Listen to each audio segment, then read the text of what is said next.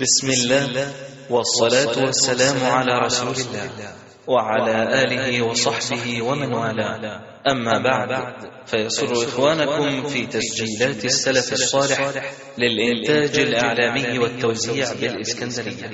أن يقدموا لكم هذه المادة لفضيلة الشيخ فضيلة الشيخ مصطفى دياب. مصطفى دياب. إن الحمد لله نحمده ونستعينه ونستغفره. ونعوذ بالله من شرور أنفسنا ومن سيئات أعمالنا. من يهده الله فلا مضل له ومن يضلل فلا هادي له. وأشهد أن لا إله إلا الله وحده لا شريك له وأشهد أن محمدا عبده ورسوله صلى الله عليه وسلم. ثم أما بعد نستكمل مشيئة الله قصة الصحابي الجليل الطفيل بن عمرو الدوسي رضي الله عنه. الطفيل بن عمرو الدوسي رضي الله عنه. وكنا قد ذكرنا من سيرته رضي الله عنه أنه حينما أراد أن يقدم إلى مكة ليحج إلى هذه الأصنام الموجودة في الكعبة قابله كفار قريش وأخذوا يحذرونه من النبي صلى الله عليه وسلم ويحذرونه من دعوة الرسول عليه الصلاة والسلام وكأنهم يخافون عليه وكأنهم يحرصون على قومه وكأنهم يخافون أن ينتشر هذا الدين الجديد إلى بلاد خارج بلادهم وأرض غير أرضهم. ولذلك أرادوا أن يصدوا الطفيل بن عمرو الدوسي عن مقابلة النبي صلى الله عليه وسلم. يقول هو رضي الله عنه فقدمت مكة فما إن رآني سادة قريش حتى أقبلوا علي فرحبوا بي أكرم ترحيب وأنزلوني فيهم أعز منزل. ثم اجتمع إلي سادتهم وكبراؤهم وقالوا يا طفيل إنك قد قدمت بلادنا.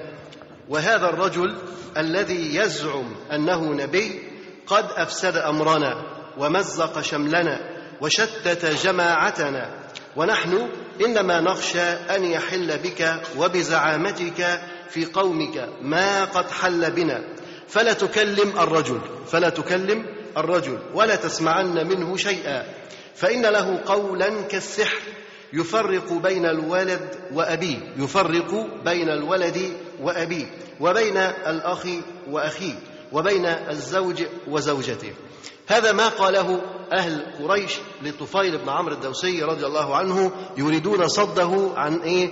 عن الإسلام وعن الإيمان وعن متابعة الرسول صلى الله عليه وسلم وذكرنا أنهم في هذه الفقرة يعني قد بان لنا واتضح لنا عدة مسائل هامة جدا ومنها أنهم يقصدون دنو النبي وقربه منهم فدعوة الرسول عليه الصلاة والسلام أصبحت قريبة جدا من ساحتهم دخلت بيوتهم حتى أنهم يظنون أن هذه الدعوة فرقت بين الأب وابنه أو بين الزوج وزوجته. فدعوة الرسول عليه الصلاة والسلام وصلت إلى أعماق البيوت دخلت إلى كل الأسر التي تقطن في قريش. وصلت إليها دعوة النبي صلى الله عليه وسلم يقولون وهذا الرجل وهذا الرجل وحده هو الذي فيما يزعمون أفسد وفرق وشتت وفعل وفعل وفعل وحده فالنبي صلى الله عليه وسلم بدأ الدعوة بمفرده بدأ الدعوة وحده ثم بعد ذلك يخبر النبي صلى الله عليه وسلم أن الله عز وجل زوى له الأرض قال إن الله زوى لي الأرض فرأيت مشارقها ومغاربها وإن ملك أمتي سيبلغ ما زوي لي منها.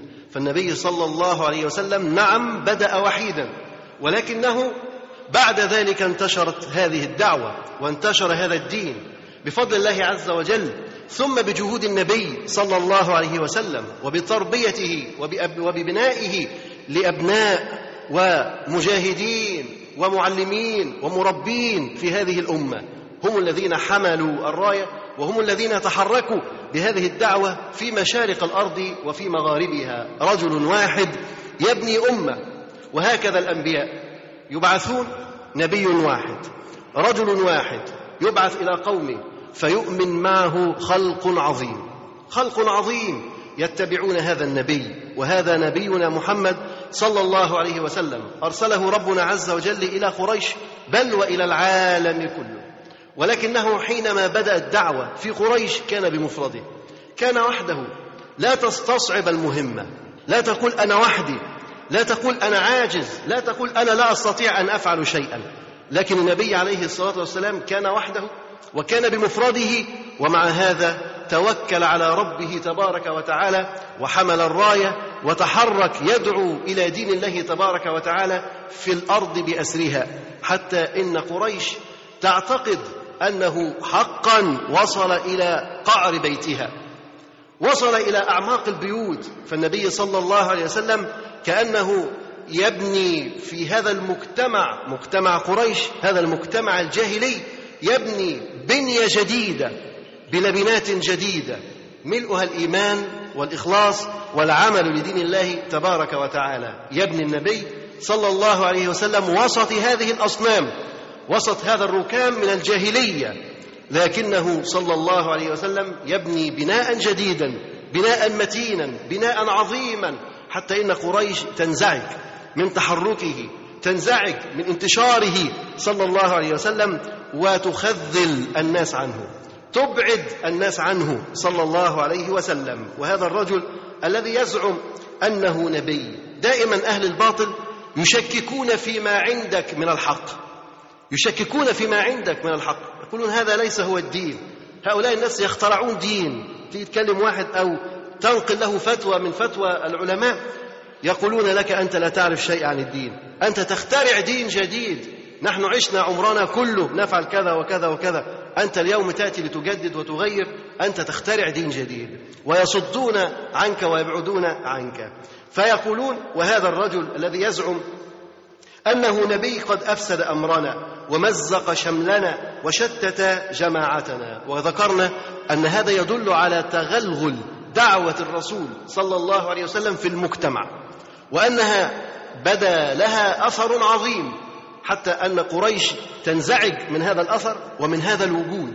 ولذلك تصفه بأنه يزعزع كيان دولتها. ونحن إنما نخشى أن يحل بك وبزعامتك في قومك ما قد حل بنا. ما قد حل بنا. هذا إقرار من قريش أن دعوة الرسول عليه الصلاة والسلام قد توغلت واستقرت. انتهى أمرها. الدعوة توغلت واستقرت في أعماق أبناء هذه الأمة. ولذلك هم يخافون أن يحدث مثل ما حدث عندهم في بلاد الآخرين. وكأن الباطل حريص على انتشار نفسه. وحريص على ألا يضمحل هذا الباطل. يعني الإنسان ممكن يكون يرى في بلاده مثلا إن الباطل هنا لابد أن يزول وأهل الباطل يقفون أمامك. لكن لو قمت بإزالة هذا الباطل حقا من هذه البلاد مثلا ستجد أهل هذه البلدة يحاولون أن ينصحوا بلدان أخرى مجاورة. ألا يتركوا هؤلاء الناس يعملون لدين الله؟ ألا يسمحوا بالتغيير؟ ألا يسمحوا بكذا وكذا وكذا؟ حريصين على انتشار الباطل. حريصين على انتشار هذا المنكر في كل مكان. أهل الباطل دائما يحرصون على استمرار باطلهم. فأهل الحق أولى أن يستمر الحق. أهل الحق هم أولى بهذا. لابد أن تكون حريصا على انتشار الحق وتغلغله في في أرجاء المجتمع بأسره. قالوا فلا تكلم الرجل. نصيحة ساذجة. فلا تكلم الرجل. هذا رجل كبير رجل لبيب رجل فطن كيف لا يكلم النبي صلى الله عليه وسلم؟ وهل الحل أن تهرب؟ أم تواجه المشكلة؟ الحل أن تواجه المشكلة. ثم تحاور صاحب هذه المشكلة. لكنهم يشعرون بعجزهم وضعفهم. ولهذا ينصحون بعدم الاقتراب. ما تقربش. لا تسمع. لا تسمع. لأنهم يدركون أنه بمجرد وصول هذا النور الذي مع النبي صلى الله عليه وسلم إلى هذه القلوب فإنها سوف تتغير لا محالة.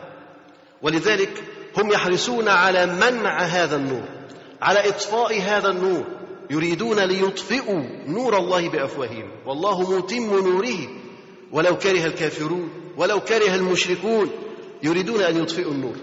بأي طريقة؟ وكأنهم يريدون أن يطفئوا نور الشمس. ولا يستطيعون. بل يعجزون. فيقولون لا تكلم الرجل. يريدون منع هذا النور من الوصول إليه. ولا تسمعن منه شيئا. فإن له قولا كالسحر. يفرق بين الولد وأبيه وبين الأخ وأخيه. وذكرنا أن هذا التفريق يحدث فعلا يحدث. لماذا؟ لأن هناك ولاء وبراء في هذا الدين. فالرجل لا يحب الرجل إلا لله وإلا في الله ولا يعاديه إلا لله. فلو أن لك أخ على الشرك ولك رجل في الطريق تعرفه على الإسلام فأخوتك بمن في الطريق أقوى وأمتن ممن هو أخ لك شقيق ولكنه على الكفر. أنت لا تحبه ولا تواليه ولا تنصره ولا تؤيده لأنه على الكفر. ولذلك عندما يكون في الأسرة رجلان أحدهما يسلم والآخر لا يسلم كيف تكون بينهما المحبة؟ كيف تكون بينهما المودة؟ لا تكون. لأن المودة لا تكون إلا بين المؤمن والمؤمن. لا تجد قوما يؤمنون بالله واليوم الآخر يوادون من حاد الله ورسوله. ولو كانوا آباءهم أفراد الأسر كلها والعائلة كلها. لا تجد. المودة والمحبة الصادقة إنما تكون بين المؤمن والمؤمن. إنما المؤمنون إخوة. فلا أخوة صادقة ولا محبة صادقة إلا بين الأخ المؤمن وأخيه المؤمن. لا تجد محبة ولا أخوة إلا بين هؤلاء المؤمنين.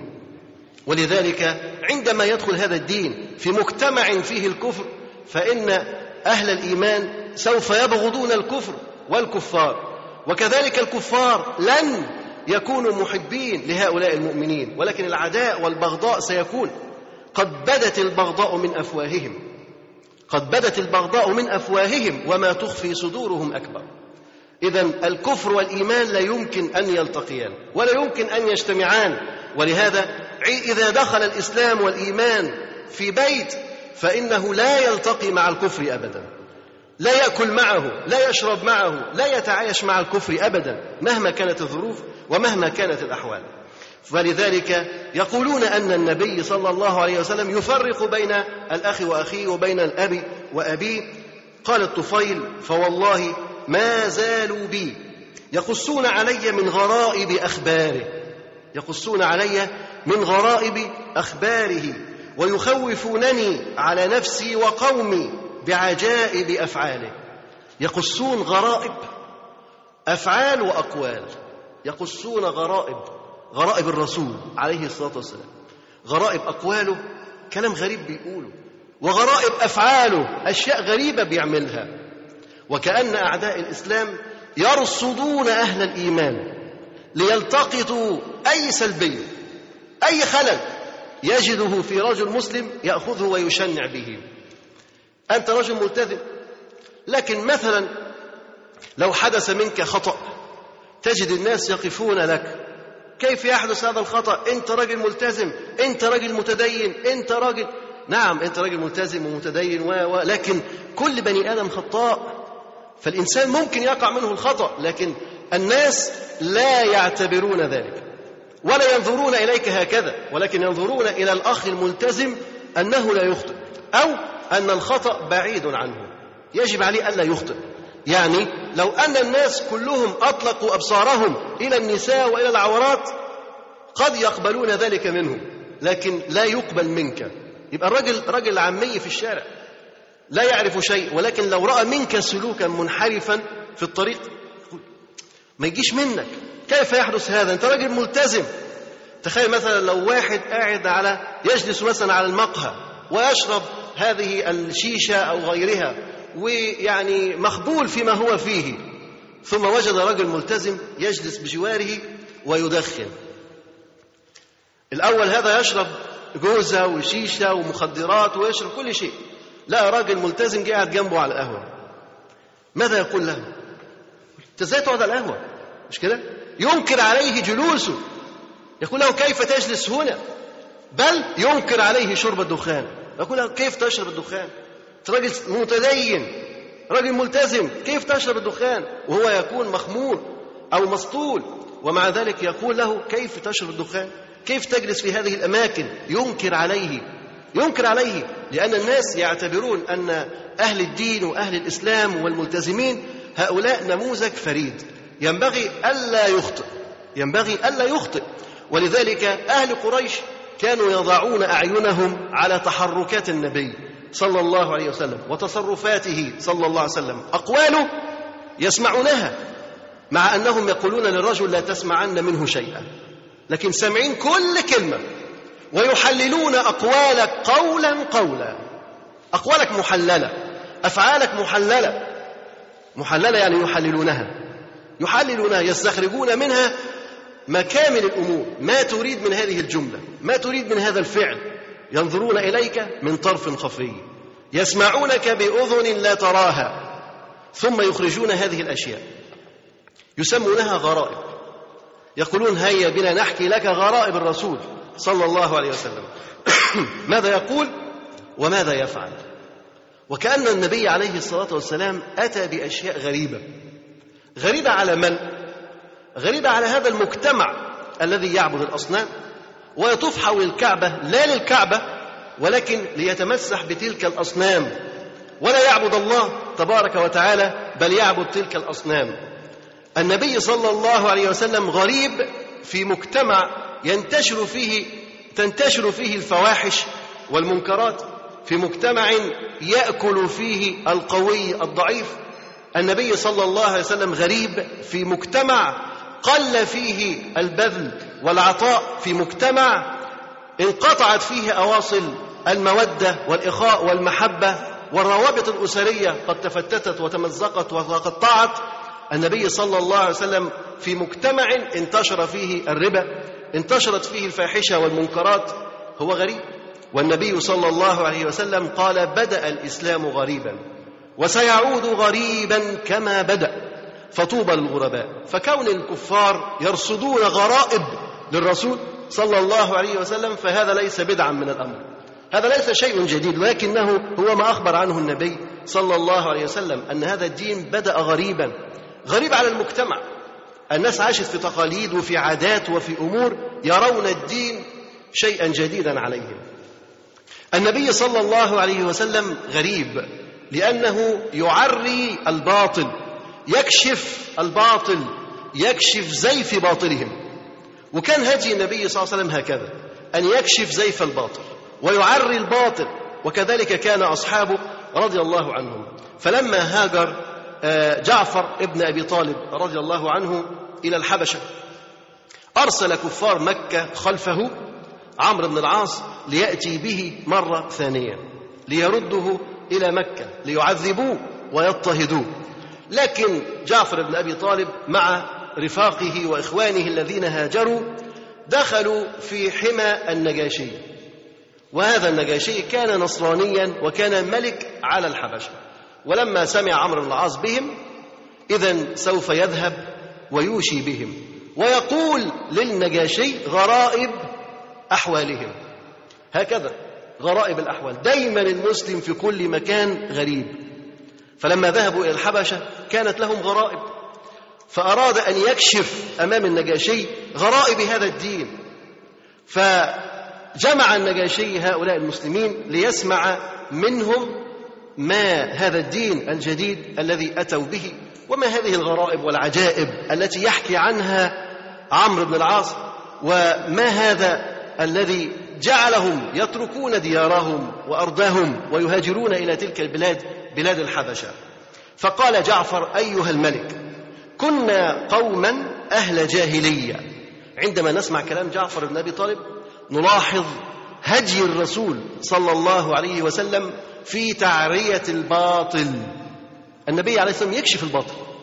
حتى إذا انكشف وتعرى أصحاب العقول يعرفوا أن هذا باطل فلا يتبعوه ويلجأوا إلى الحق مباشرة. فهذه وسيلة لجذب الناس إلى دين الله تبارك وتعالى. أنك تكشف زيف وقبح هذا الباطل. فالذين يتمسكون به عندما ينكشف أمامهم ويبدو أنه زورا فيتركوه ويدخلوا في دين الله تبارك وتعالى. فقال أيها الملك كنا قوما أهل جاهلية نعبد الأصنام ونأكل الميت ونأتي الفواحش ونقطع الأرحام ونسيء الجوار ويأكل القوي منا الضعيف وبقينا على ذلك حتى بعث الله إلينا رسولا منا نعرف نسبه وصدقه وأمانته وعفافه. جعفر بن أبي طالب استعرض كيف كنا في الجاهلية. قال كنا أهل جاهلية نعبد الأصنام ونأكل الميتة وهذا شيء مستقذر ونأكل الميتة ونأتي الفواحش ونقطع الأرحام ونسيء الجوار ويأكل القوي منا الضعيف. هل هذه أخلاق يقبلها أحد؟ هل هذه أخلاق يقبلها عاقل؟ لا يمكن. لكن جعفر بن أبي طالب يحكي الجاهلية التي كانوا عليها. ثم بعد ذلك يستعرض هذا الدين الجديد الإسلام. وكيف أنه أفضل بكثير من هذه الجاهلية الجهلاء. فقال وبقينا على ذلك حتى بعث الله إلينا رسولا منا نعرف نسبه وصدقه وأمانته وعفافه. فدعانا إلى الله لنوحده ونعبده ونخلع ما كنا نعبد نحن وآباؤنا من دونه من الحجارة والأوثان. هذه دعوة النبي. أولا دعاهم إلى التوحيد إلى عبادة الله وخلع هذه الأصنام وترك هذه الأوثان. وقد أمرنا انظر إلى الغرائب. هذه هي غرائب الرسول صلى الله عليه وسلم التالية. بماذا كان يأمر؟ أمور غريبة على قريش وأتباعها. وقد أمرنا بصدق الحديث. حاجة غريبة. مش متعودين عليها. وقد أمرنا بصدق الحديث وأداء الأمانة أيضا. غير معودين على أداء الأمانة. كانوا يخونون ويغدرون ويسرقون ويأكل القوي الضعيف. كيف يدعوهم النبي صلى الله عليه وسلم لأداء الأمانة؟ شيء غريب. وأداء الأمانة وصلة الأرحام كيف وقد كانوا يقطعون الأرحام؟ يدعوهم إلى صلة الأرحام؟ شيء غريب. وحسن الجوار وقد كانوا يسيء الجوار. والكف عن المحارم وحقن الدماء. حقن الدماء هذه التي كانت تراق بدون أسباب. ونهانا عن الفواحش بعد ما كانوا يأتون الفواحش نهاهم عن الفواحش وقول الزور وأكل مال اليتيم وقذف المحصنات هذا ما أتى به النبي صلى الله عليه وسلم وهذه هي غرائب الأقوال وغرائب الأفعال التي تأخذها قريش على النبي صلى الله عليه وسلم وأمرنا أن نعبد الله وحده لا شريك به لا نشرك به شيئا وأن نقيم الصلاة ونؤتي الزكاة ونصوم رمضان فصدقنا هذه هي دعوة النبي صلى الله عليه وسلم. أمرنا أن نعبد الله وحده لا نشرك به شيئا. وأن نقيم الصلاة ونؤتي الزكاة ونصوم رمضان فصدقناه وآمنا به واتبعناه صلى الله عليه وسلم على ما جاء به من عند الله. فحللنا ما أحل لنا وحرمنا ما حرم علينا. فما كان من قومنا أيها الملك إلا أن عدوا علينا فعذبونا أشد العذاب.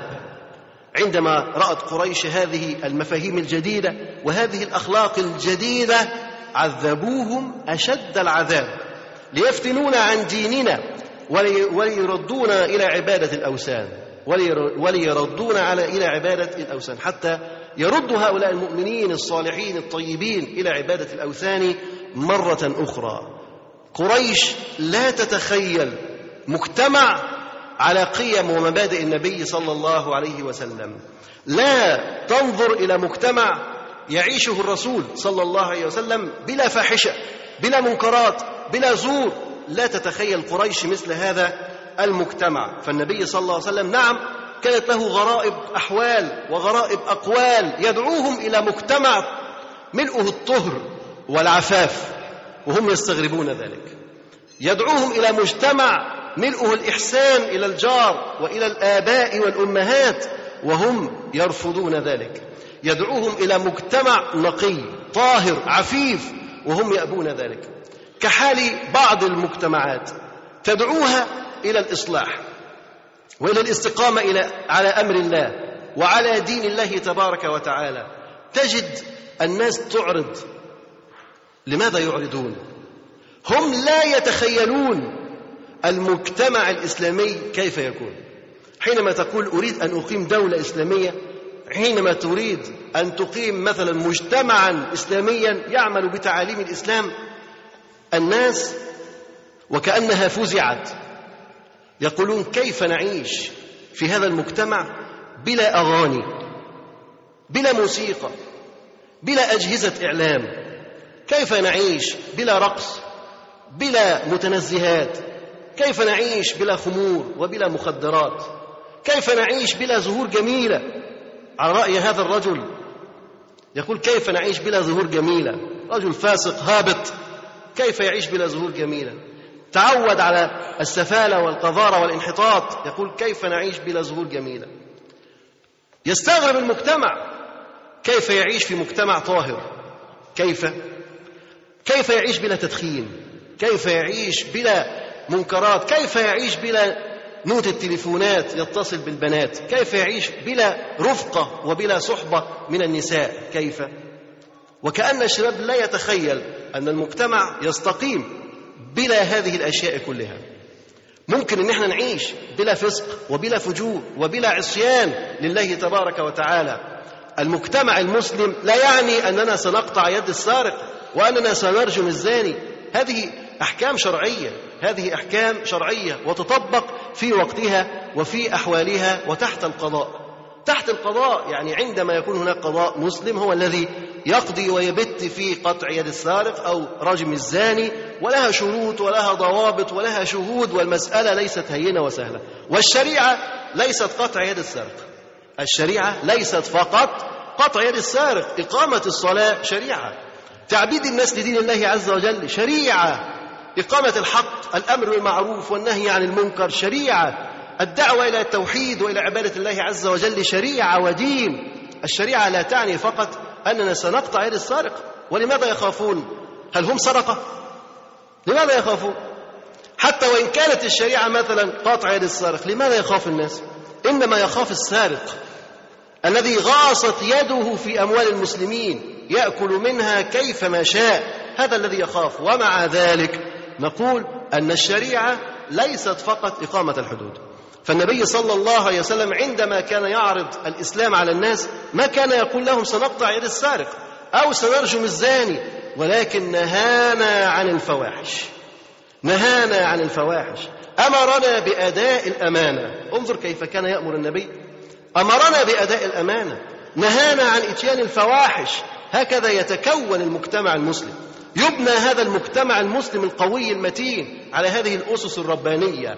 نعم من الممكن أن نعيش في مجتمع بلا فسق وبلا فجور وبلا أغاني وبلا موسيقى وبلا متبرجات. من الممكن أن نعيش في مجتمع كهذا. ما أيسر أن نلتزم بدين الله تبارك وتعالى ولكن أعوان الشيطان لا يريدون ذلك. قريش تأبى ذلك. تابى ذلك وقريش هذه تتكرر في كل مكان. وصناديد قريش تجدهم في كل مكان. يحاصرون الحق يمنعون الحق يشوهون صورة الحق.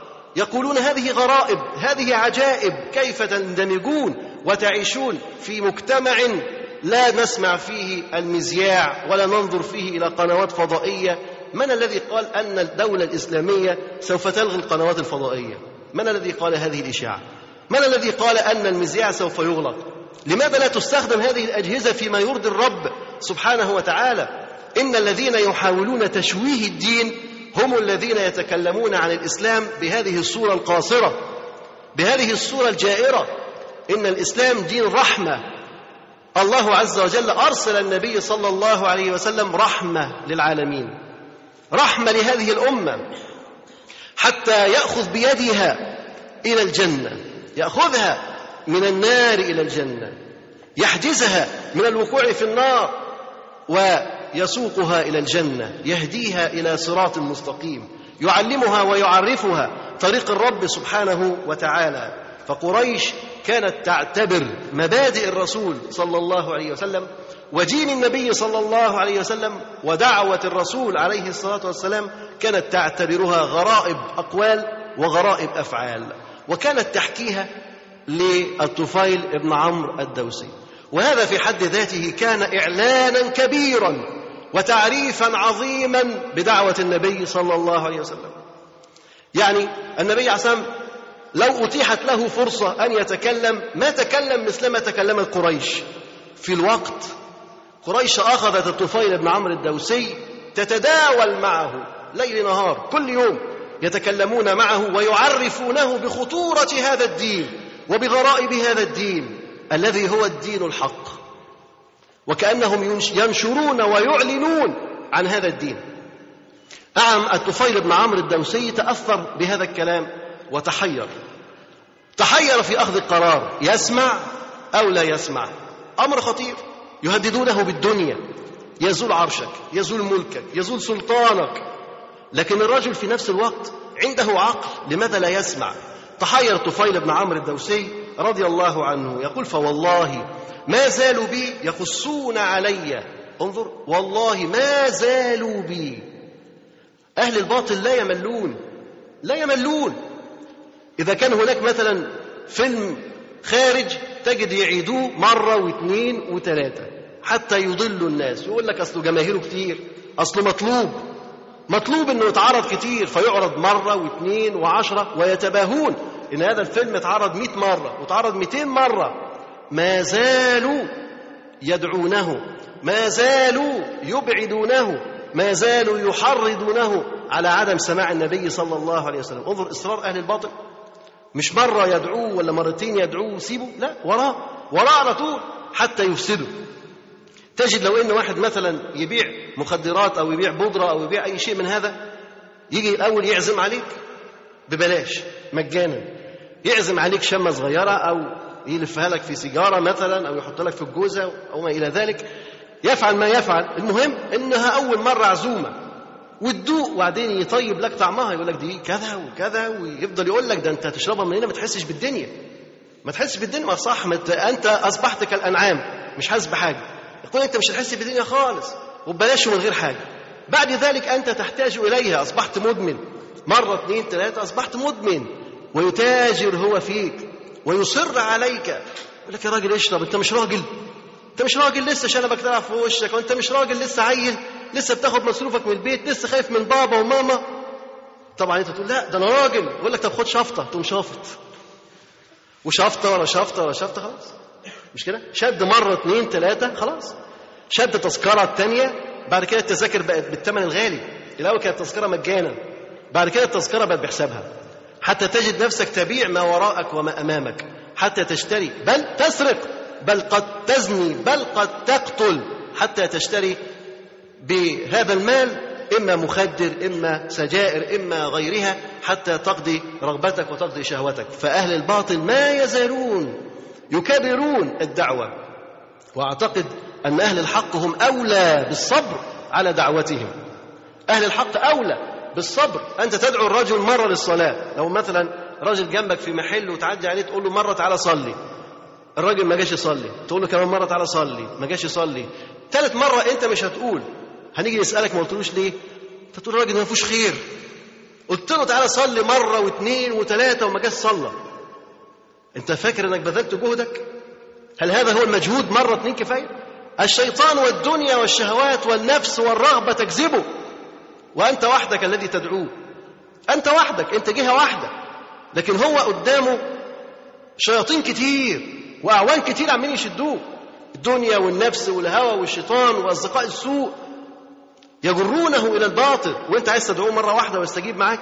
لابد من تكرار الدعوة. مرة واثنين وثلاثة وعشرة. لا تسأم لا تمل لأن الدعوة هي روح الإنسان. كلما دعوت إلى الله عز وجل كان هذا نور وكان هذا هداية ورحمة لك قبل ما يكون هداية ورحمة للآخرين. يقول فوالله ما زالوا بي يقصون علي من غرائب أخباره ويخوفونني في على نفسي وقومي بعجائب أفعاله وكأنه بيعمل سحر يعني يخوفونه بعجائب الأفعال. حتى أجمعت أمري. هياخد قرار. قرار صعب. بعد الضغط ده كله خد بالك يسمع منهم فقط. ولا يسمع من النبي صلى الله عليه وسلم. ومع ذلك يجد صعوبة في أخذ القرار. تخيل لو سمع من النبي صلى الله عليه وسلم. هل كان ممكن يكون في صعوبة في أخذ القرار؟ كان سيفصل مباشرة لكنه سمع الإسلام من أعداء الإسلام. يعني كأن الغرب يحدثك عن الإسلام. يقول لك هؤلاء المسلمين الملتحيين إرهابيين. تجد الواحد منهم دموي. لا يتكلم إلا عن القتل. هم بيقولوا علينا كده. لا يتكلم إلا عن القتل وعن الدم وعن السفك وعن الجهاد وعن كذا وعن كذا. وطبعا يشوهون الصورة. يقولون هؤلاء الملتزمين هم الذين يفجرون هم الذين يدمرون هم الذين يشيعون الفساد في المجتمع. هم يقولون هذا.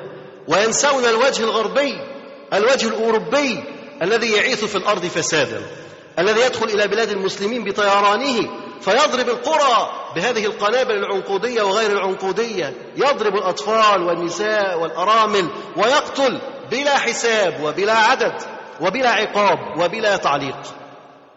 وبلا تعليق. أما أنت فأنت المتهم وأنت الإرهابي وأنت المتطرف. الناس يسمعون منه فقط ولذلك يأخذون قرارا ألا يسمعوا منك. تقول له طب خد شريط اسمع يقول لك لا. الشريط ده مش راجل منتهي ده إرهابي. طب اسمع طب حاول تسمع. لا مش عايز يسمع. يغلق باب الحوار من أوله. لماذا؟ لكثرة ما سمع. لكثرة ما سمع. يسمع إن دول إرهابيين دول متطرفين دول بيعملوا حاجات وبيدمروا وبيفرقعوا وبيعملوا وبيعملوا سمع فقط. لكن هل عاشر الناس؟ هل عاش معهم بدينهم وبإسلامهم؟ هل عاش وسطهم ليعرف أخلاق القوم؟ لم يعش ولم ولم يتعرض لهم. ومع هذا يصد عن السبيل فلا يسمع لا شريط ولا يحضر المسجد يسمع درس ولا يصلي في مسجد بيصلي فيه رجل ملتزم بالسنة لا. لماذا؟ لأنه سمع من أعداء الإسلام فقط. هكذا طفيل سمع من أعداء الإسلام وأخذ هذا القرار بصعوبة. يقول حتى أجمعت أمري على ألا أقترب منه ولا أكلمه أو أسمع منه شيئا. هذا كان قراره. انه خلاص أجمع الأمر إنه لا هيقرب له ولا هيكلمه ولا هيسمع له حاجة. انظر يقول حتى أجمعت أمري على ألا أقترب منه. مش عايز يقرب له. يقرب قرب بس. ممنوع الاقتراب. وممنوع السماع. وممنوع التكليم. كله ممنوع. يا لهذه الدرجة. يخاف على نفسه. يخاف على نفسه من الرسول عليه الصلاة والسلام. ممنوع الاقتراب. وهذا رجل لبيب. رجل فطن. رجل ذو عقل. ومع ذلك يأخذ قرارا مثل هذا ألا يقترب من النبي صلى الله عليه وسلم. زي واحد مش عايز يقرب لجامع سني مش عايز يقرب. لو في لا ده مش عايز يعدي من الشارع الثاني ويمشي خمسين كيلو ولا إن هو يدخل مسجد يقيم السنة ويقيم الدين. ليه؟ يقول لك أنا خايف أصلي يقبضوا عليا خايف أصلي يمسكوني خايف أصلي يصوروني. ليه هم حاطين كاميرات في المساجد؟ مفيش حاجات من دي المساجد فاضية كلها مراوح. مراوح وتكييفات وبقت المساجد يعني آخر راحة ورفاهية. مفيش كلام من ده. ومع ذلك من كثرة ما سمعه من أعداء الإسلام فهو يخاف. ممنوع الاقتراب. ممنوع تقرب. شيء عجيب. ممنوع تسمع. شيء أغرب. وممنوع يكلمه. مع إن الرجل متكلم ويسمع جيدا. يعني إذا سمع الكلام يستطيع أن يحلله. ويستطيع أن يفهمه. ومع ذلك ممنوع يسمع ممنوع يكلم ممنوع يقرب. ده معناه إن قريش ضغطت عليه ضغط إيه؟ قوي جدا حتى تتغير وجهة نظر هذا الرجل. الرجل اللبق المتحدث عندما يشك في نفسه وفي قدراته وفي إمكانياته ويأخذ قرارا بعدم الوقوف أمام النبي صلى الله عليه وسلم هذا معناه إن قريش ضغطت عليه ضغط عنيف جدا حتى يأخذ هذا القرار. وهذا يدل على قوة إصرار الباطل على صد الناس عن دين الله تبارك وتعالى لأنهم يدركون أن لو رجل مثل الطفيل أسلم فإن قومه بأسرهم سوف يسلمون. ولذلك يمنعون يمنعون دخول النور إلى هذه القرى وإلى هذه الأماكن الكبيرة الواسعة الفسيحة. يقول ولما غدوت إلى المسجد للطواف بالكعبة والتبرك بأصنامها. اليوم التالي بقى خلاص. ولما غدوت إلى المسجد للطواف بالكعبة والتبرك بأصنامها التي كنا إليها نحج وإياها نعظم حشوت في أذني قطنا. خوفا من أن يلامس سمعي شيء من قول محمد صلى الله عليه وسلم. ده هينفذ الايه؟ القرار. قرر ألا يقترب من النبي وألا يسمع النبي وألا يكلم النبي. طب هينفذ القرار ده إزاي؟ جه تاني يوم مش عايز يسمع قام حط القطن في أذنه. مش ناوي يسمع هو كده خلاص مش هيسمع. وضع القطن في أذنه. الإنسان لما ينظر رجل كهذا يضع القطن في أذنه. تخيل لما يكون مثلا إيه؟ دكتور جامعة في اللغة العربية. وقالوا له خلي بالك في أخ في الجامع ده يفقه في اللغة العربية جيدا. وقد يفعل بك كذا وكذا وكذا. تخيل لما الدكتور يتهز ويخاف ويحط قطن في ودنه. يبقى كيف خوفوه؟ هذا الرجل وكأنه مرعوب. وضع القطن في أذنه يمنع أي وصول نور إليه. يضع القطن في أذنه. أحيانا الإنسان بيحط عوائق لنفسه عشان ما يوصلش للحق. أحيانا الإنسان بنفسه يضع العوائق لنفسه حتى يصل لا يصل إلى الحق. فيضع القطن في أذنه حتى لا يسمع مع أنه كان من الممكن أنه يسمع. ثم يهتدي إلى دين الله تبارك وتعالى. لكن الإنسان يضع العوائق لنفسه. كان من الممكن أن تسير على الطريق بسهولة وتصل إلى الله عز وجل بيسر لكنك تكثر من المعاصي والذنوب تلك العقبات الكؤود التي أنت الذي تضعها في الطريق. أنت الذي وضعتها في الطريق.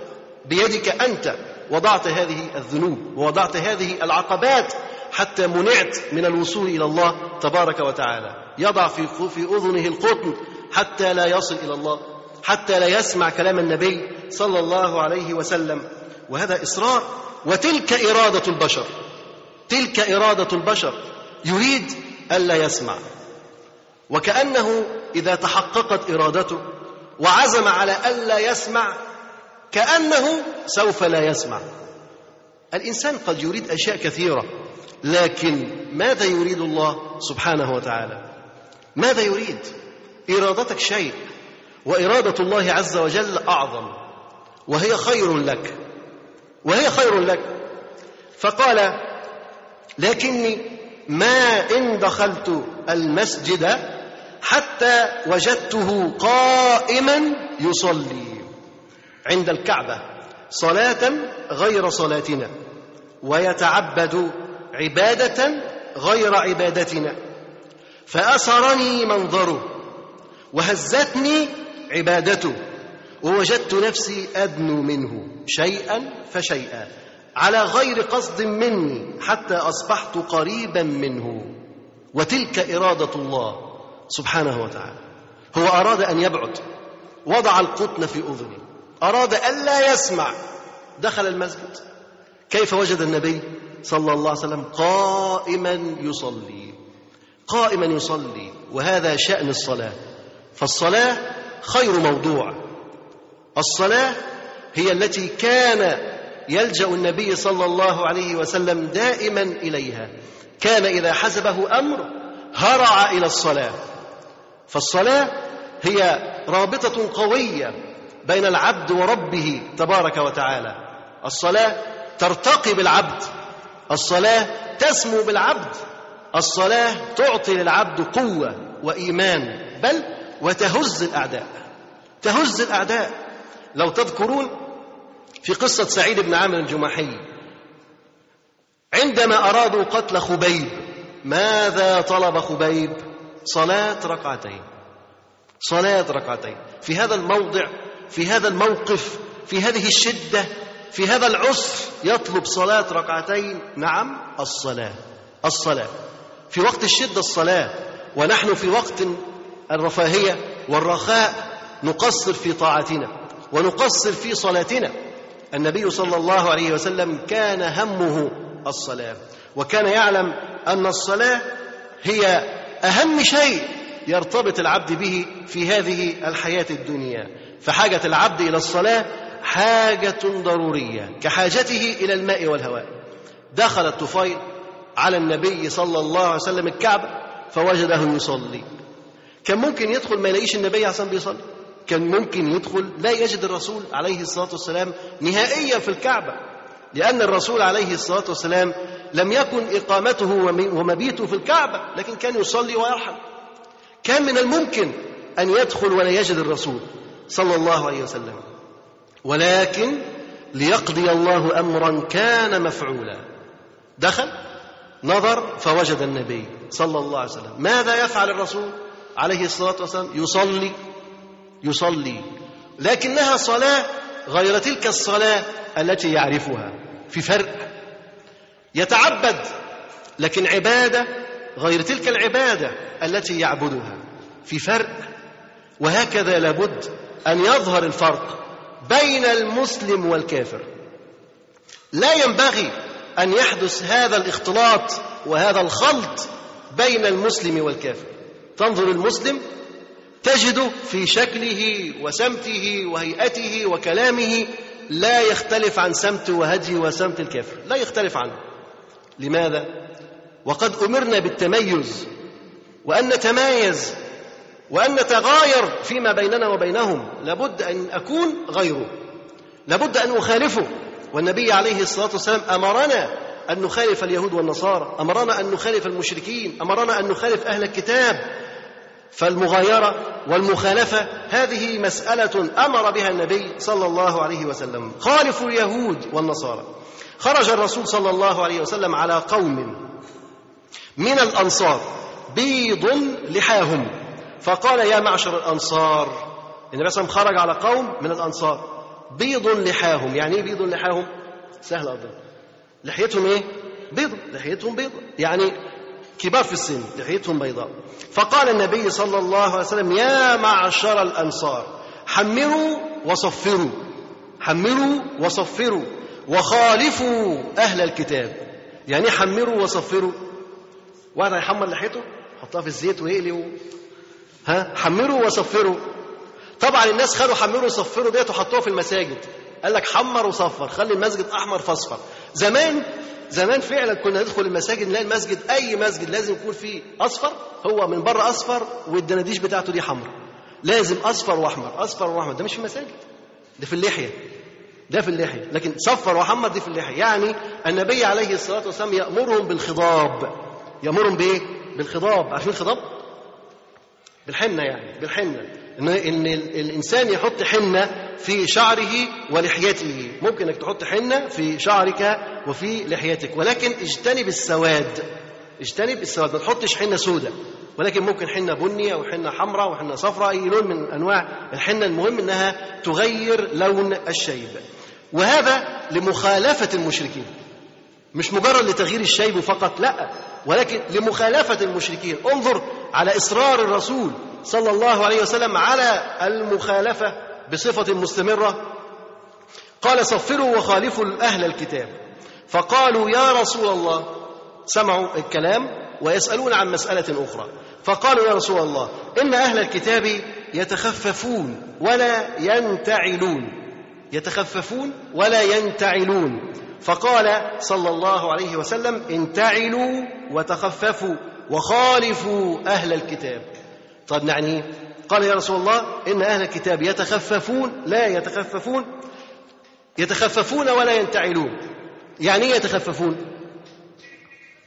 يلبسوا الخف يلبسوا الخف يلبسوا خف ولا ينتعلون يعني لا يلبسون النعل. النعل هو ما صنع من الجلد. يعني الأحذية المصنوعة من الجلد هذه نعال. فهم كانوا يتخففون يلبسوا خف ولا يلبسون النعل. خف هذا يعني مثل الجورب مثل الشراب ولكن يكون مصنوع برضه من إيه؟ من الجلد ولكن بداخله مواد يعني تشيع الدفء في جسم الإنسان زي الفرو أو الصوف أو ما إلى ذلك. فكان أهل الكتاب يتخففون ولا ينتعلون. فالنبي صلى الله عليه وسلم أمر المسلمين أن يتخففوا وينتعلوا. يعني يعملوا اثنين من باب المخالفة من باب المخالفة. وعن عمرو بن العاص وعن عن ابن عمر رضي الله عنه مرفوعا قال خالفوا المشركين وأحفوا الشوارب وأوفروا اللحى. ابن عمر رضي الله عنه يقول خالفوا المشركين وأحفوا الشوارب وأوفوا اللحى. وفي رواية أوفروا اللحى. طبعا هنا الحديث واضح يقول إيه؟ خالفوا المشركين. اذا فإطلاق اللحية واجب لمخالفة أهل الكتاب. اولا هو من فطرة الإسلام ومن السنن التي فطر الله عز وجل عليها الإنسان ثم أمر النبي صلى الله عليه وسلم بمخالفة المشركين فقال خالفوا المشركين وأحفوا الشوارب وأوفروا اللحى. أحفوا الشوارب يعني أحفوا الشوارب. نعمل إزاي؟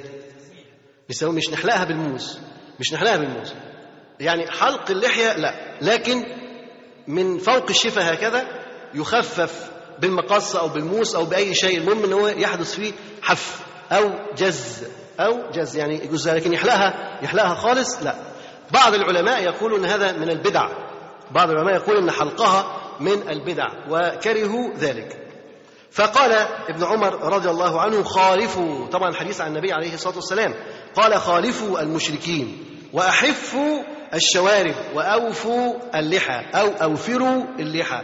واحد يقول طب ما المشركين ملتحيين تبص تلاقي الواحد منهم واقف كده أهو لحيته كبيرة وشنبه مغطي بقه. بابا إيه ده؟ بابا نويل. فشنبه مغطي بقه. فماذا يفعل هذا المفترض؟ إنك تخالفه كيف تخالفه؟ تحف الشارب. تحف الشارب. تطلق اللحية وتحف إيه؟ تحف الشارب. كان على عهد الرسول عليه الصلاة والسلام في يهود وكانوا ملتحيين ولكن النبي عليه الصلاة والسلام أمر بالمخالفة. إن إحنا نوفر اللحى ونحف الشارب. طبعا في ناس بتخالف خالص وتحلق خالص. يقول لك أنا كده بخالف. أنت بتخالف هدي الرسول صلى الله عليه وسلم. أنت لم تخالف اليهود ولكن خالفت هدي الرسول صلى الله عليه وسلم. وقال صلى الله عليه وسلم جزوا الشوارب وارخوا اللحى وخالفوا المجوس. خالفوا المجوس. يبقى في اليهود والنصارى والمشركين والمجوس. مطلوب مخالفتهم. أهل كتاب ويهود ونصارى ومجوس ومشركين. خمس ملل وخمس فرق على الأقل المذكورة في الأحاديث. يجب علينا مخالفتهم. بماذا؟ بإطلاق اللحيه وحف الشارب. نخالف خمس ملل كافرة في النار والعياذ بالله. قال جزوا الشوارب وارخوا اللحى وخالفوا المجوس. وعن شداد بن أوس رضي الله عنه قال قال صلى الله عليه وسلم خالفوا اليهود فإنهم لا يصلون في نعالهم ولا خفافهم. النبي عليه الصلاة والسلام يوجه إلى مخالفة أخرى يقول خالفوا اليهود. اليهود لا يصلون في النعال ولا في الخفاف. يعني بيجي يصلي يخلع نعله وخفه يصلي كده برجله. فالنبي عليه الصلاة والسلام يأمرنا أن نخالفه وأن نصلي في النعال وفي الخفاف. معنى كده الواحد يدخل من المسجد من الشارع من بره على الموكيت على طول ويقف يصلي بحذاء ويقول أنا بخالف اليهود. المساجد مفروشه موكيت ومفروشه سجاد. فأنت اخلع حذائك وادخل صلي. طب وتصلي إمتى؟ بنعلك. والله أنت واقف تصلي جنازة صلي بنعلك. لو أنت في الشارع ومفيش حاجة تفرشها صلي بالنعل. لو أنك ذهبت إلى متنزه حديقة أو أي صلي بالنعل. أنت مثلا بتصلي في البحر أو في شارع صلي بالنعل. فهذه أماكن يصلى بها في النعل. أما المساجد أو الأماكن التي أعدت للصلاة يعني بغير نعال فالإنسان يصلي فيها بغير نعل. يصلي بالخف ممكن اللي أنت ممكن يبقى زي الشراب يعني أيامنا دي. ممكن تصلي بالشراب ممكن تصلي بالخف لكن لا تصلي بالنعل داخل المسجد حتى لا تقذر المسجد لأن ممكن يكون فيه نجاسة. فتؤدي إلى نجاسة المكان وإبطال صلاتك ولذلك أنت تخلع نعلك خارج المسجد فذلك أفضل وأولى لك وخصوصا أن الشوارع بتاعتنا بقت مليانة نجاسات معنوية وحسية ظاهرة وباطنة كثيرة جدا. فالإنسان يعني يحترز من هذه النجاسات. وقالت اليهود اليهود بقى يعني وجدوا النبي عليه الصلاة والسلام في كل شيء بيخالف مخالفة على طول. فقالوا ما لهذا الرجل لم يدع شيئا إلا وخالفنا فيه. كل حاجة كل حاجة بيخالفنا فيها. فوجدوا شيء لم يخالفهم فيه النبي صلى الله عليه وسلم. فرحوا جدا طبعا. فقالت اليهود يخالفنا محمد يعني صلى الله عليه وسلم ويتبع قبلتنا. كان النبي عليه الصلاة والسلام 17 شهر يصلي إلى بيت المقدس. وكان النبي عليه الصلاة والسلام يرجو أن يصلي إلى الكعبة. وكان يقلب بصره في السماء. فاليهود فرحوا أن النبي عليه الصلاة والسلام بيتوجه إلى بيت المقدس. فقالوا يخالفنا.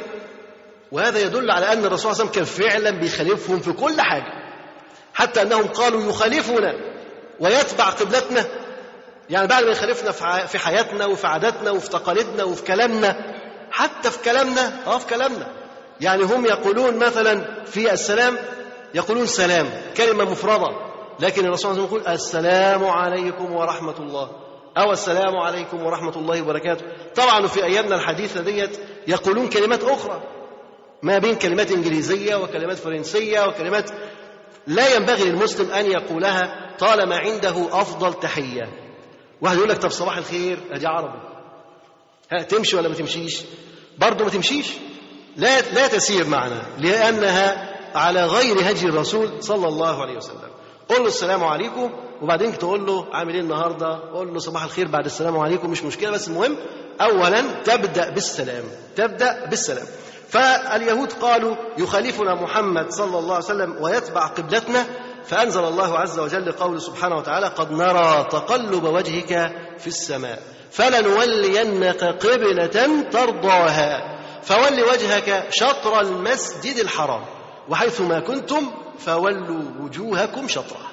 فاطمأن النبي صلى الله عليه وسلم. القرآن أيضا يجعلنا نخالف اليهود والنصارى.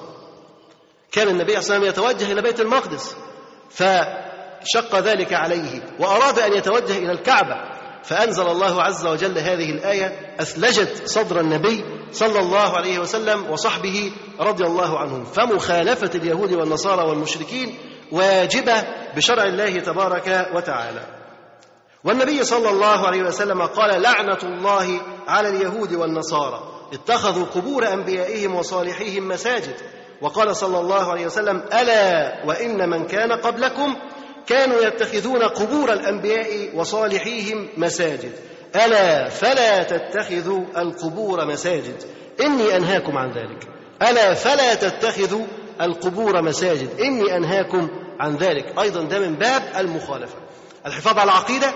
ثم مخالفة اليهود والنصارى وأهل الكتاب من قبلنا. فكان الشأن أن النبي صلى الله عليه وسلم يختلف في صلاته في عبادته. لابد أن تتميز. لابد أن تتميز في كل شيء. عندما تتكلم لابد أن يبدو في كلامك المظهر الإسلامي. إزاي؟ يعني أنت بتتكلم مثلا واحد أسدى إليك خيرا. هتقول له شكرا ولا تقول له جزاك الله خيرا؟ جزاك الله خيرا. شكرا مش حرام. لكن أيهما أسن أيهما أهدى أيهما أفضل؟ إنك أنت تدعو له تقول جزاك الله خيرا. تخيل لو أن المجتمع إذا أسدى أحدنا للآخر خيرا قال له جزاك الله خيرا. تاني قال له وإياكم السلام عليكم وعليكم السلام كيف أصبحت؟ الحاجات الحلوة دي. إزاي المجتمع هيبقى جميل؟ سوف يصبح المجتمع مجتمعا جميلا مجتمعا طيبا تتناقل فيه الألفاظ الإسلامية. يقول هذا أخي وهذه أمي وهذا أبي بدل ما نقول بابي ومامي وداجي. هذه ألفاظ لماذا نأتيها ونهجر هدي نبينا صلى الله عليه وسلم؟ أيهما أفضل؟ إنك أنت تقول لأبيك يا أبي ولا تقول له يا بابي أيهما أفضل؟ لا شك طبعا أن أبي أفضل. إبراهيم عليه السلام يقول يا أبتي يا أبتي انظر. إذا أبتي ويا أبي ويا أمي هذه الألفاظ اليوم للأسف أصبحت غريبة علينا. أصبحت غريبة. لو أنت تلاقي طفل صغير مثلا دخل مع أبوه في المسجد وبيقول له يا أبي عايز بسكوت أو تقول إيه ده يا أبي دي؟ أنت تنكر عليه. تقول له إيه أبي دي؟ ما تقول يا بابا ولا قول يا بابي. مش كده؟ وللأسف أحيانا أخرى تجد بعض الإخوة الملتزمين أبنائهم يقولون لهم يا بابي هنروحوا لداجي إمتى؟ علمته إيه في البيت؟ ماذا علمته؟ إذا كان هذا بابي وهذا داجي ماذا علمته أنت في البيت؟ أين أبي وأين أمي وأين خالي وأين عمي وأين جدي وأين جدتي؟ أين ذهبت هذه الأشياء؟ لابد أن نتميز عن أهل الباطل حتى في ألفاظنا. حتى في ألفاظنا. نحن نتعلم الإنجليزية ولكن للضرورة. للضرورة أعداء الإسلام اليوم يعلمون أبناءنا من الحضانة يعلمونهم اللغة الإنجليزية. ولا يمكن تجتمع لغتان إلا وتضيع الأخرى والتي تضيع هي اللغة العربية. التي تضيع هي اللغة العربية. لماذا؟ لأن الأسر تهتم بتعليم الولد الإنجليزية يبقى الولد لسه في أولى حضانة أو تانية حضانة ويجيبوا له مدرس خصوصي. من سنة أولى حضانة التعب والعناء ده من سنة أولى حضانة وأولى ابتدائي مدرس إنجليزي حتى يعلمه الإنجليزية. طب والعربي؟ يقول لك ده سهل وهيتعلمه. فيخرج الطفل لا يفقه شيئا عن اللغة العربية. يتكلم يتكلم مكسر. كلنا يعني كبر السن وتقدمنا في الدراسات. تيجي تتكلم شوية لغة عربية ما تعرفش تجيبهم. تعال مثلا نجرب كده نتكلم ربع ساعة لغة عربية. خمس دقائق لغة عربية صح. هتجد نفسك مش لا تجيد لا تحسن. ولو أحسنت الذي يقابلك صعب أن يفهمك. أصبحت المسألة شاقة فيها عناء لأننا لم نتدرب ولم نتعلم على هذه اللغة لغة القرآن منذ الصغر. أعداء الإسلام يغرسون في أبنائنا وفي مجتمعنا هذا التغيير منذ الصغر. هذا التغيير. أعداء الإسلام يريدون منا أن نحتفل بأعيادهم. والنبي صلى الله عليه وسلم ينهانا عن ذلك. النبي صلى الله عليه وسلم ينهانا عن تهنئة الكفار بأعيادهم. وأهل الباطل والفساق والضلال يحاولون أن يدفعوا بالمجتمع إلى الاختلاط بينه وبين الملل الأخرى. وأن تذوب العقيدة وأن يعيش الناس في وطن واحد تحت راية واحدة غير لا إله إلا الله ولا حول ولا قوة إلا بالله. إذا لابد أن نحافظ على هويتنا ولابد أن نحافظ على ديننا في وسط هذا المعترك الشديد.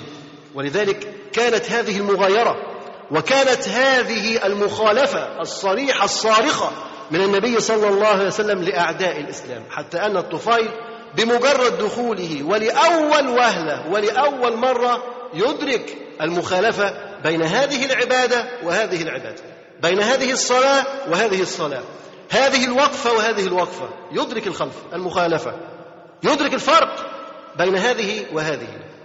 واضحة لا تحتاج إلى مجهود. أنت اليوم تقف أمام الأخ المسلم وتحتاج إلى مجهود في تمييز شيئين. اولا هل هو مسلم أم غير مسلم؟ ثانيا هل هو ذكر أم أنثى؟ تبقى أنت بتحير. شاب بقى لابس زي البنات بالظبط وحليق وعامل زي البنات بالظبط. أنت متحير ده يا ترى ده ذكر ولا أنثى؟ طبعا أنت مش هقول لك بقى أنت بص وبحلق فيه لغاية ما تعرف هو سيبه على كده. مجهول. سيبه زي ما هو. اذا أصبحت هناك مشقة. البنت تلبس بنطلون كما يلبسه الولد بالضبط. نفس الموديل يعني إذا دخلت محل تجد الاثنين واقفين يشتروا من باترينا واحدة. ده بيشتري نفس الموديل ونفس النوع. لماذا؟ إذا كان مثلا شيء يلبسه أعلى دي تلبس زي ما ده بيلبس. ممكن يمشوا جنب بعضهم وما تعرفش مين الذكر ومين الأنثى. في الكلمات وفي المشيات وفي الزي وفي ملابسه التي يلبسها لا تجد فرق. وهذه مسألة صعبة. وهذا لأننا نقتدي بأعدائنا ونتبع هديهم. وقد نهانا النبي صلى الله عليه وسلم وحذرنا. لتتبعن سنن من قبلكم. شبرا بشبر وذراعا بذراع. حتى لو دخلوا جحر ضب لدخلتموه. قالوا اليهود والنصارى يا رسول الله؟ قال فمن؟ يعني مين غيرهم؟ هم دول اليهود والنصارى. الذين سوف تتبعونهم على كل شيء. حتى لو دخلوا جحر ضب يعني حتى لو فعلوا أي شيء منكر تفعلونه. تفعلونه. لا بصيره عندكم. أصبح الناس يسيرون وراء الموضة. كأنه امعات لا يفكرون لا يبصرون. لماذا هذا الخلط؟ وقد أمرنا النبي صلى الله عليه وسلم بالمخالفة. لابد أن يكون هناك فرق. تجلس أمام الناس كما ذكرنا لا تعرف من المسلم ومن غير المسلم. مع إن طفيل بن عمرو الدوسي رضي الله عنه بمجرد دخوله ومن أول وهلة أدرك أن هذا هو النبي صلى الله عليه وسلم. لم يشير له أحد عليه. انتبه القصة ما فيهاش إن هو حد قال له هو ده خلي بالك منه ما تقربلهوش. حدش قال له كده. ده بمجرد دخوله الكعبة وجده يصلي. عرف ده بيصلي غير صلاتنا فأدرك أن هذا هو النبي. كيف تعرف أنك أنت المسلم؟ كيف تعرف؟ بهديك بسلوكك بأخلاقك. وهذا ليس من الأشياء الصعبة. لو تذكرنا كيف دخل الإسلام إلى بلاد الصين وإلى بلاد الهند وإلى باكستان وإلى غيرها من الدول الأعجمية التي كانت لا تنطق العربية. وكان المسلمين كذلك لا ينطقون العربية لا ينطقون الأوروبية ولا الأعجمية بل كانت اللغة لغة عربية. المسلمين يتكلمون عربية وهؤلاء لا يتكلمونها ولا يفهمونها. كيف أسلموا وكيف اهتدوا؟ بهذا السمت وهذا الهدي وهذه القدوة وهذه الأخلاق وهذه السلوكيات وهذه المعاملات تنقل الدين من مكان إلى مكان. الدين لا ينتقل بالكلام فقط ولكن بالسلوك وبالعمل. وجد النبي صلى الله عليه وسلم يعبد عبادة غير عبادتنا غير عبادتنا. صلاة غير صلاتنا. في فرق. ثم إنه هزته هذه العبادة. وهكذا الإخلاص. لو أن الإنسان يصلي صلاة هو مخلص فيها لكان لها أثر في نفسه وفي غيره. الإخلاص هو الذي يجعل العبادة لها قيمة. لها قيمتها عند الله عز وجل فتقبل وترفع. ولها قيمتها في التأثير على العبد ذاته في الدنيا تكون دافع له ونور وحياة لقلبه وتكون بمثل القدوه الحسنه لغيره فيقتدي به غيره. عبادة هزته تخيل لما إنسان محصن نفسه كل التحصينات دي وحاطط القطن القطن في أذنه واضع القطن في أذنه ومحصن وممنوع من الاقتراب والكلام والسماع ومع هذا ينظر فقط مش معقول يقولوا له ما تبصش. كان ناقص حد يجره من ايديه ويلف بيه على الكعبة. هو هيغمض عينه. ما كانوش يقدروا يخبوها. بص نظر فقط. وجد النبي صلى الله عليه وسلم. عبادة غير العبادة صلاة غير الصلاة. هزته. أثرته. أثرت في قلبه. فأصبح منقادا لها. وجد نفسه ينجذب نحوها. انظر كيف يكون الإنجذاب. هداية القلوب بيد الله سبحانه وتعالى وليست بيد أحد من الخلق. وهذا من لطف الله عز وجل بعبده. قال فأسرني منظره وهزتني عبادته ووجدت نفسي أدنو منه شيئا فشيئا على غير قصد مني حتى أصبحت قريبا منه. أصبح قريب جدا وهذا يدل على تأثير الحق. تأثير الحق الذي ينبع من قلب المخلصين. يكون له تأثير قوي جدا. مش محتاج كلام. هذا الإخلاص جذب هذه القلوب. يقول أسرني هزني جعلني ادنو منه عن غير إرادة وغير قصد.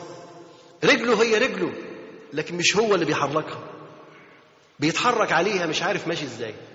لا يعرف كيف يمشي ولا إلى أين يسير. هو مندفع نحو النبي صلى الله عليه وسلم. كيف وقد حذر منه كيف وقد قالوا له ابتعد؟ لا تقترب. يجد نفسه يدنو. والتحذير عدم الاقتراب. يجد نفسه يدنو يدنو من النبي صلى الله عليه وسلم. ونقول الله لطيف بعباده. الله عز وجل لطيف بعباده. كيف هذا؟ لطف ربنا تبارك وتعالى بالعبد أعظم ما يكون. الإنسان أحيانا يكون في ضلال ويكون في ضياع. ثم يمن الله سبحانه وتعالى عليه. فيسبب له اسبابا تخرجه من هذا الضياع ومن هذا الضلال ومن هذا البعد فيأتي إلى دين الله تبارك وتعالى. عن غير قصد منه وعن غير إرادة منه. يجد قلبه يتغير. لماذا؟ لأن القلوب بين إصبعين من أصابع الرحمن يقلبها كيف يشاء. فالعبد لا يملك قلبه العبد لا يملك شيء من نفسه لنفسه بل هو عبد لله تبارك وتعالى. اسمع في تفسير قوله عز وجل الله لطيف بعباده يرزق من يشاء وهو القوي العزيز. في تفسير السعدي ذكر بعض العبارات جميلة جدا ننقلها لكم. فيقول الشيخ فمن لطفه بعبده أن هداه إلى الخير هداية لا تخطر بباله. من لطف ربنا بالعبد إنه هداه إلى الخير. هداية لا تخطر بباله بطريقة ما كانش بيفكر فيها. ما فكرش ما خطط يجد ربنا عز وجل بيهديه بطريقة لم يفكر فيها من قبل. بما يسر له من الأسباب الداعية إلى ذلك. يسر له أسباب جعلته ينجذب نحو الحق. هو كان ناوي ما يسمعش ناوي ما يكلمش ناوي ما يقربش. بس دخل لقى صلاة. غير الصلاة عبادة غير العبادة. لقى نفسه تهز لقى نفسه بيدنو بيقرب عن غير إرادة منه ولا قصد. هداية. ربنا عز وجل جعل له الأسباب. إنه يحط القطن في ودنه ويبقى داخل الكعبة متكهرب وعامل خمسين ألف حساب. إنه ممنوع يقابل ممنوع يبص. آخذ حذر شديد جدا. ومع ذلك أول ما يدخل وعينه تقع على النبي صلى الله عليه وسلم تنهار كل هذه الحصون التي صنعها كل هذه الجسور التي وضعها تنهار. وينجذب نحو النبي صلى الله عليه وسلم. ينجذب بما يسر له من الأسباب الداعية لذلك من فطرة على حب الخير وانقياد له. ربنا عز وجل فطر القلوب على محبة الخير. فطر القلوب على الانقياد إلى الخير. وده من لطف ربنا إن ربنا سبحانه وتعالى جعل في قلوبنا حب للخير. بمجرد ما تشوفه تحن إليه وتميل إليه. يعني إنسان أمامه منكر وأمامه حاجة طيبة. يجد قلبه يميل إلى المنكر أم إلى الطيب؟ إلى الطيب. لو إنك أمامك عملين عمل فيه محرم وعمل فيه مباح طيب طاهر. قلبك يميل إلى أي العملين؟ إلى الطاهر أم إلى المحرم؟ إلى الطاهر. وهذا من لطف الله عز وجل بعبده أن جعل في قلبه ما يجذبه إلى الحق ويجعله ينقاد له. يقول ومن لطفه أن قيض لعبده كل سبب يحول بينه وبين المعاصي. من لطف ربنا أن قيض لك أسبابا تحول بينك وبين المعاصي حواجز بينك وبين المعاصي. يعني مثلا ممكن الحواجز دي تكون مصايب إنسان مثلا يجهز نفسه ليذهب ويرتكب فاحشة في المكان ده أو في المكان ده. خلاص ركب مع زملاته شلة وبيجروا ورايحين جاله خبر في التليفون إن أبوه مات. هيكمل ولا هيرجع؟ لازم هيرجع ده أبوه. مش كده؟ لازم يرجع. يرجع ويترك المعاصي. هذا سبب جعله الله عز وجل حاجزا بين العبد والوقوع في المعصية. لطف من الله سبحانه وتعالى. تيجي تشرب سيجارة كده هو تبص تلاقي أبوك خبط على الباب تقوم جاي راميها وطفيها ورميها في الحمام. لطف من ربنا. عشان ما تشدهاش. واخد داخل على تذكرة وخلاص هيشربها. انت عارفين التذاكر بقى؟ واخد داخل على تذكرة بودرة وهيشمها. وجد ضابط شرطة مثلا معدي أو رجل فانقبض ورماها. دي كلها أسباب. مش كده؟ أسباب. إنسان ممكن داخل يسرق طالع على المواسير بص لقى شرطة جاية. أيوه أنا جاية تقبض على اخ بس هو شاف الشرطة. عمل إيه؟ نزل على المواسير وجري. ربنا قيد له هذه هذه الهداية إن هو ينزل مش جاية له ومش قصداه. والشرطة لم تأتي من أجله. ولكنه عندما رآها نزل وترك هذه المعصية. لماذا؟ ربنا سبحانه جعل حاجز.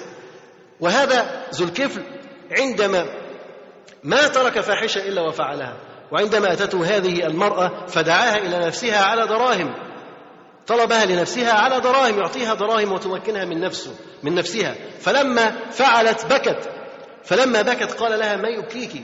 قالت لا لم أفعل هذا من قبل وإني أخاف الله. قالت تخافين الله وأنا لا أخاف الله.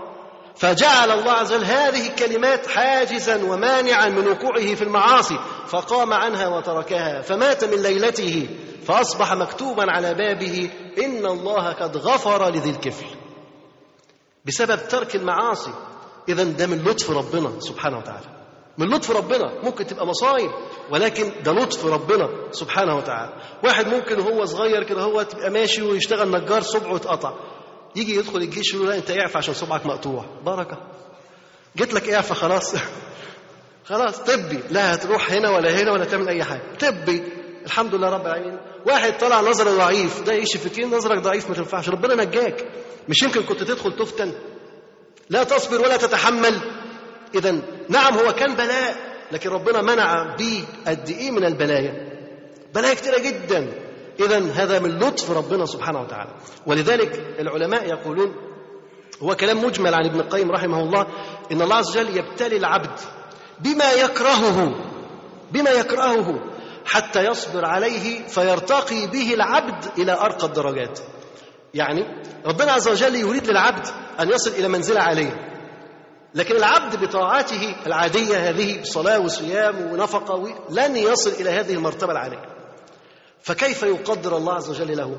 يقدر عليه البلايا التي تكرهها نفسه. فيصبر عليها فيرتقي بهذا الصبر على هذا البلاء إلى هذه الدرجات العالية.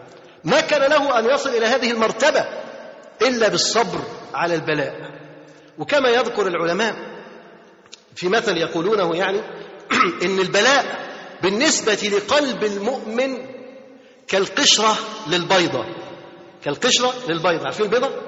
البيضة بتاعت الفراخ هذه في قشرة وجواها صفار وبياض بعد كده الصفار والبياض ده بيبقى إيه؟ بيبقى كتكوت مش كده؟ فالعلماء بيقولوا إن ال- ال- البلاء بالنسبة لقلب العبد كالقشرة للبيضة. ماذا تفعل القشرة للبيضة؟ ممكن واحد يقول القشرة دي حبسة الكتكوت جوه. مش عارف يطلع. مش عارف؟ مش عايز يطلع. حبسة الكتكوت والبلاء حابس المؤمن. مش عارف يتحرك. لكن لو واحد كان حنين شوية وقلبه رحيم قوي بالكتكوت قام كسر له البيضة عشان يطلع. هيطلع الكتكوت ناقص وهيموت الكتكوت. لماذا؟ لأن هذا الغلاف يحمي هذا الفرخ الصغير حتى يكمل نموه. فحينما يكمل نموه يهديه الله عز وجل لكسر هذه القشرة من مكان معين فيخرج هذا الكتكوت وقد عفي من كل بلاء. هكذا قلب المؤمن يكون فعلا في حبس في سجن في أسر ويبقى بيضج وبيمل وإمتى أخرج؟ لسه شوية. قلبك لسه ما استواش.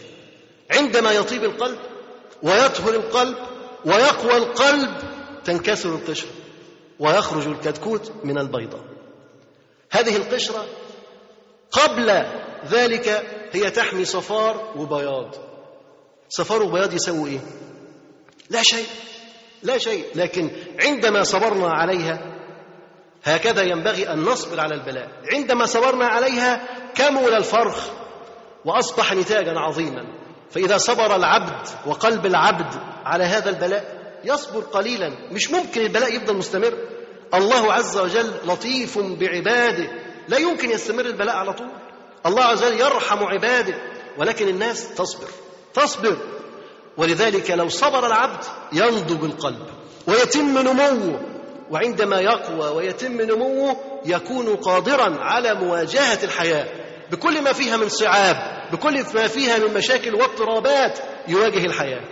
لكن لو كسرت البيضة القشرة قبل نضجه لا يمكن أن يتحمل ما يعانيه من هذه الدنيا.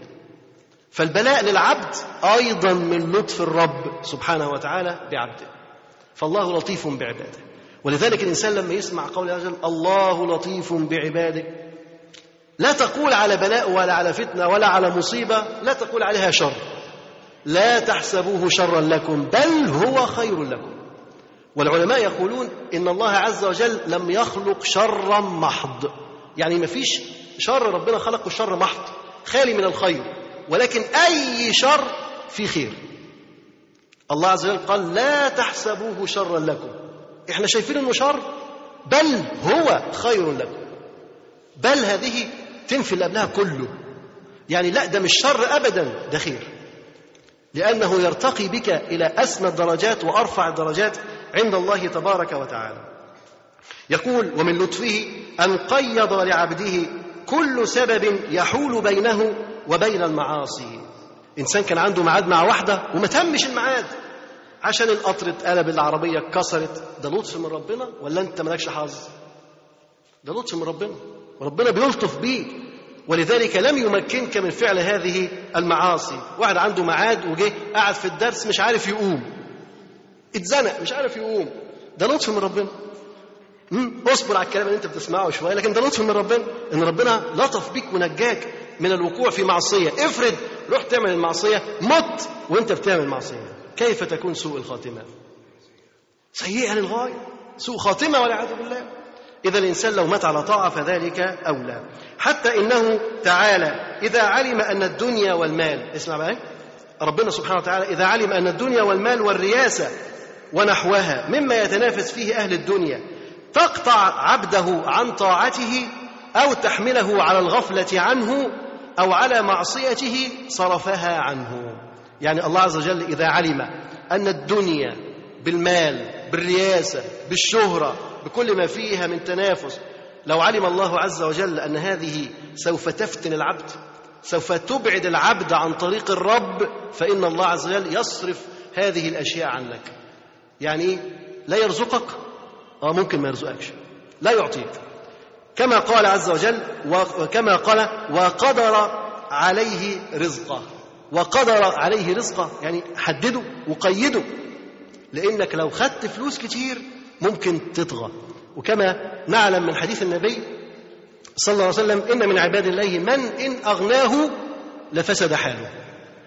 عباد لله عز وجل بس لو ربنا اغناهم يفسد حالهم فربنا سبحانه وتعالى من لطفه بيهم يخليهم فقراء زي ما هم. وقدر عليه رزقه. بس هيموت؟ لا يمكن يموت. ولذا قال يرزق من يشاء. يرزق من يشاء بحسب اقتداء حكمته ولطفه.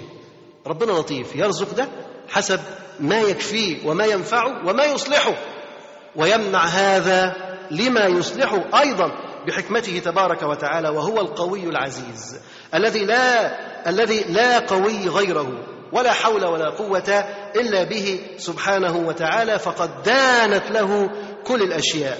هكذا كانت إرادة الله عز وجل ولطف الرب سبحانه وتعالى به. يقول لكن ما إن دخلت المسجد حتى وجدته قائما يصلي عند الكعبة صلاة غير صلاتنا ويتعبد عبادة غير عبادتنا فأسرني منظره وهزتني عبادته ووجدت نفسي أدنو منه شيئا فشيئا على غير قصد مني حتى أصبحت قريبا منه.